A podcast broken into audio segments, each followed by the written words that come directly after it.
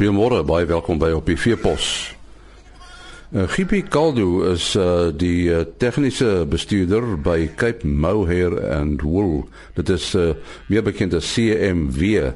Ons praat met hom oor presisiebestuur in die veebedryf. As as mense oor presisie boerdery praat, dan dink 'n mens dikwels meer oor gewasse eerder as die veebedryf. Wat behels presisie boerdery in die veebedryf, Gipi? Uh Leon baie baie dankie vir die geleentheid om om met jou te kan gesels. Ehm um, Leon vandag om te oorleef in die veebedryf sal ons definitief die presisieboerdery pad moet neem. Nou wat is presisieboerdery? Nommer 1 om jou te motiveer, om jouself te motiveer is die doelwitstelling van jou van jou hele totale boerdery. Byvoorbeeld wat is jou speenprestasie? Wat moet wees sê 135% plus. Hy gaan 'n inkomste en 'n uitgawe hê. En so dan moet ons ook met die presisieboerdery gaan ons sê daai presisie gaan vir jou 'n wolproduksie gee en dan gaan dit ook vir ons uh, dan moet ons ook ingestel op wat gaan die mark vra. Nou dit is nou die inkomste kan dan die boek kan nou dit gaan die presisieboerdery gaan 'n uitgawe hê. Nou as jy 135% speen, gaan jy spesifieke uitgawe hê ten opsigte van dit en dit gaan vir ons sê wat is die ekstra uitgawe? Dit gaan wees voeding, gesondheid, arbeid wat in die regte tye presies dag en datum moet gegee word. Anders gaan ons definitief nie by ons uitgawe gaan definitief nie klop nie. Nou, waaruit maak ons veeboere veeboere geld? Ons maak geld uit vleisproduksie, waar waar die hoofinkomste wees en ook natuurlik aan die ander kant as jy wol faktor by, dan is dit wolproduksie. So in om die om die winsgewendheid van die veeboere te bedryf, moet ons ingestel wees op hierdie produksie. En as hierdie produksie dan kom ons by die waar die punt waar die teken die teer slaan die paarmassa van ons jong oeye. Dit be, die dit bepaal eintlik totale reproduksie vermoë van die dier wat dan met ander woorde die winsgewendheid bepaal. Nou wat wie, moet 'n jong ooi weeg? 'n Jong ooi moet weeg ten minste tussen 48 en 51 kg gemiddeld en dit is presies waar die presisieboerdery inkom. Ons moet die speenmassa vat wat ons het en wat ons op 100 dae speen en dan moet ons natuurlik die verwagte paarmassa kom ons sê dis in die geval 51 kg dan is dit slegs 19 kg wat ons moet bestuur. En dit is klink makliker gesê as gedoen want in Suid-Afrika reën dit baie en dit reën min. En dan moet ons en dan moet ons die ding moet ons 100% dan elke dag dag en datum moet ons nou gee vir die dier wat sy behoefte is. Nou as ek 19 kg moet bestuur die verskil tussen die paarmassa en die en die en die speenmassa dan is dit nogal baie moeilik want in die sin moet ek as ek op 'n 3 as jy op 'n 18 maande paasstelsel is, moet ons moet die dier kry op die beskikbare goeie veiding wat daar is, moet ons hom 'n byvoeding gee wat in die geval so 140 gram per dag sal wees wat vir jou 'n 63 gram per dag toename sal gee, massa toename op die veiding. So dit sê vir my dit gaan ook 'n uitgawe hê. Dit gaan 'n koste mos impliseer op die end en dit kos ons per jong ooi so in die omgewing van R330 per kop wat 'n redelike noemenswaardige bedrag is. En dan moet ons natuurlik om dit te kan uh, omsit in geld, ons moet daai lammers, daar ons 'n hoë reproduksie wees as gevolg van die beter toename van die massa, want dan daai eierselvorming het in die ooi plaasgevind in die dier plaasgevind wat dan vir ons die hoë reproduksie tempo gaan gee na die end toe. En uh, dit is eintlik wat die groot verskil maak want ons gaan 'n hoë scan persentasie hê wat is ook moet goed bestuur want dit sit weer presisie druk op die bestuur en opsigte van dragtigheid bestuur.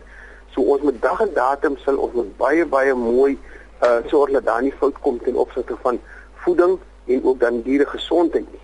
Nou die net om 'n uh, om 'n skaap die uh kom ons sê om die paarmassa te laat dat toeneem het ons soos ons gesê het die is die gramme per dag het ons mos nou nodig. Nou goed, nou het ons die die jong ouetjie het nou sy paarmassa bereik En nou gaan is die verwagting die eierselvorming ons reg plaasvind. Ons gaan 'n goeie fabriek hê. Ons kan nou op op die ooi investeer en sy gaan vir ons die ekstra geld uh, geld dan inbring. Nou goed, die uh, regbestuur is ons dat die paarmassa is nou reg. Nou moet ons op komplementeer die paarmassa van die jong ooi met 'n prikkelvoeding wat ons gaan aanvul en die prikkelvoeding gaan jou het jy so 15 kg kos nodig om die prikkelvoeding van 3 weke voor paar tot 3 weke nadat die ramme uit te gee. Dis klare presies ding, presiese kilogram. Dit hoef nie meer te wees of minder te wees nie. So goed en dan het ons natuurlik as ons nou gesken het, ons hou ons ramme by ons paar eers die oeye dan mos nou. Dan hou ons die ramme by vir 34 dae kort paartyd en dan kom ons weer te dan moet die diere gesken word sodat ons kan weet wat is drie linge, twee linge, een ling ons nader te bring aan ons presisiestelsel sodat elke ooi, elke groep het sy eie behoeftes en dan moet ons in die behoefte voorsien ten opsigte van voeding en gesondheid. Nou goed, nou het ons al die lamme ons nou gesken as ons oor die parmas reg is, nou het ons gesken met 150% plus lammers in die in die in die pens van die ooi.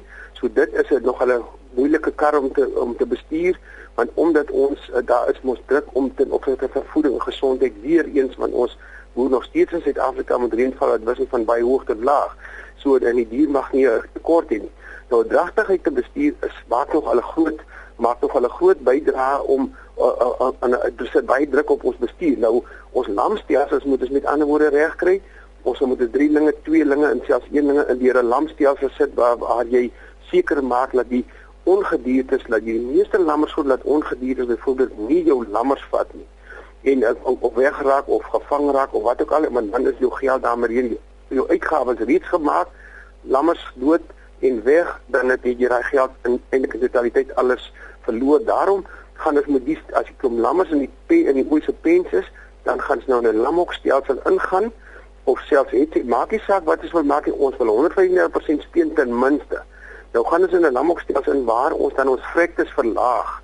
Die lamhokstelsel op sy op sy eie het weer sy eie kostes van 'n uh, 'n drieling ooit eet 75 kg kos op 6 weke voor lam tot 3 weke na lam 'n uh, 'n uh, tweeling ooit eet 60 kg uh, kos op in dieselfde periode en een ooit eet 45 kg kos op in daai selfde periode. En dit is die dit dit groot uitgawe. Maar as al die lammers lewe, dan dek ons die totale koste en ons seleksiedruk gaan ongelooflik hoog en dan kom jy dat dis waar die presisieboerdery inskop. Die uitgawe moet die inkomste moet die uitgawe komplementeer en dan mag minstens as almal lewe so skatryk as hy een doodgaan kan ons dan dan, dan sê ons ja ons is jammer ons het dit verloor en dit maak die boerdery net ongelooflik baie moeilik. Maar dit is die uitdaging is om dit te kan doen en dan natuurlik as ons nou oeye gelam het, ek hou my oeye 10 dae in daai hokkie, dan gaan die oeye uit op 'n kruitvoerstelsel wat 'n lammetjie hoef slegs hier omgee van 22 na 25 kg uh, kruitvoeding tot op 100 dae te eet en dan is daar weer in die begin van ons volgende presisiefase wanneer die lammetjie 'n hoë speenmassa weer het, dan begin die eierselvorming reeds plaasvind tot en met speen en dan is dit dis amper om die hele om die wiele gepraat en die boerdery is eintlik in die hele sirkel is voltooi. En uh, dit uh, dit is amper my my storie rondom presisie boerdery. Ja, uh, dan is daar nog natuurlik die faktor van uh, die wolprys en die prys van skaapvleis.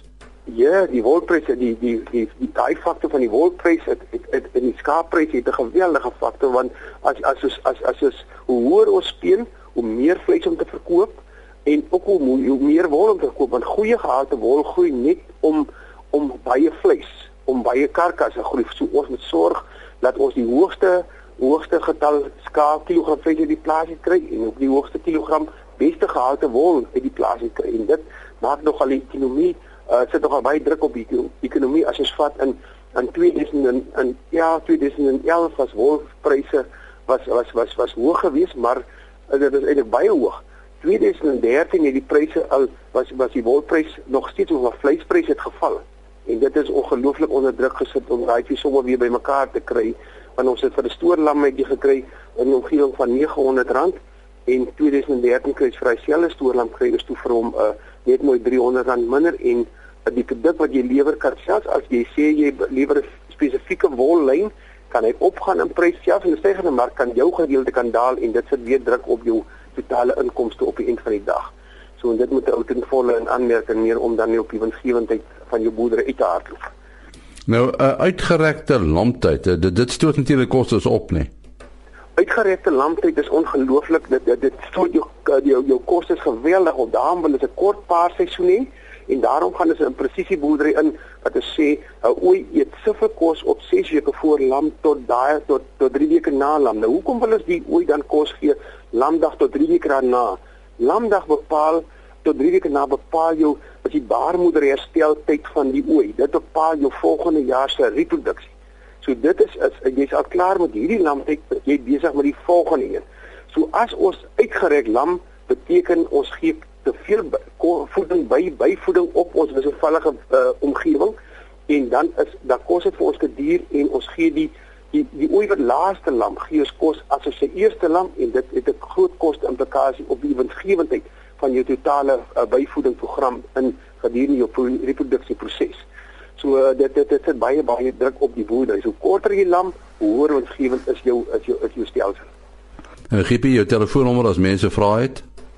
My telefoonnommer is uh, is uh, is 082 468 3618 en ek is nag en dag beskikbaar en ek geniet dit om met om met uh boere te gesels en ons in in is in die in die boerdery te deel met mekaar.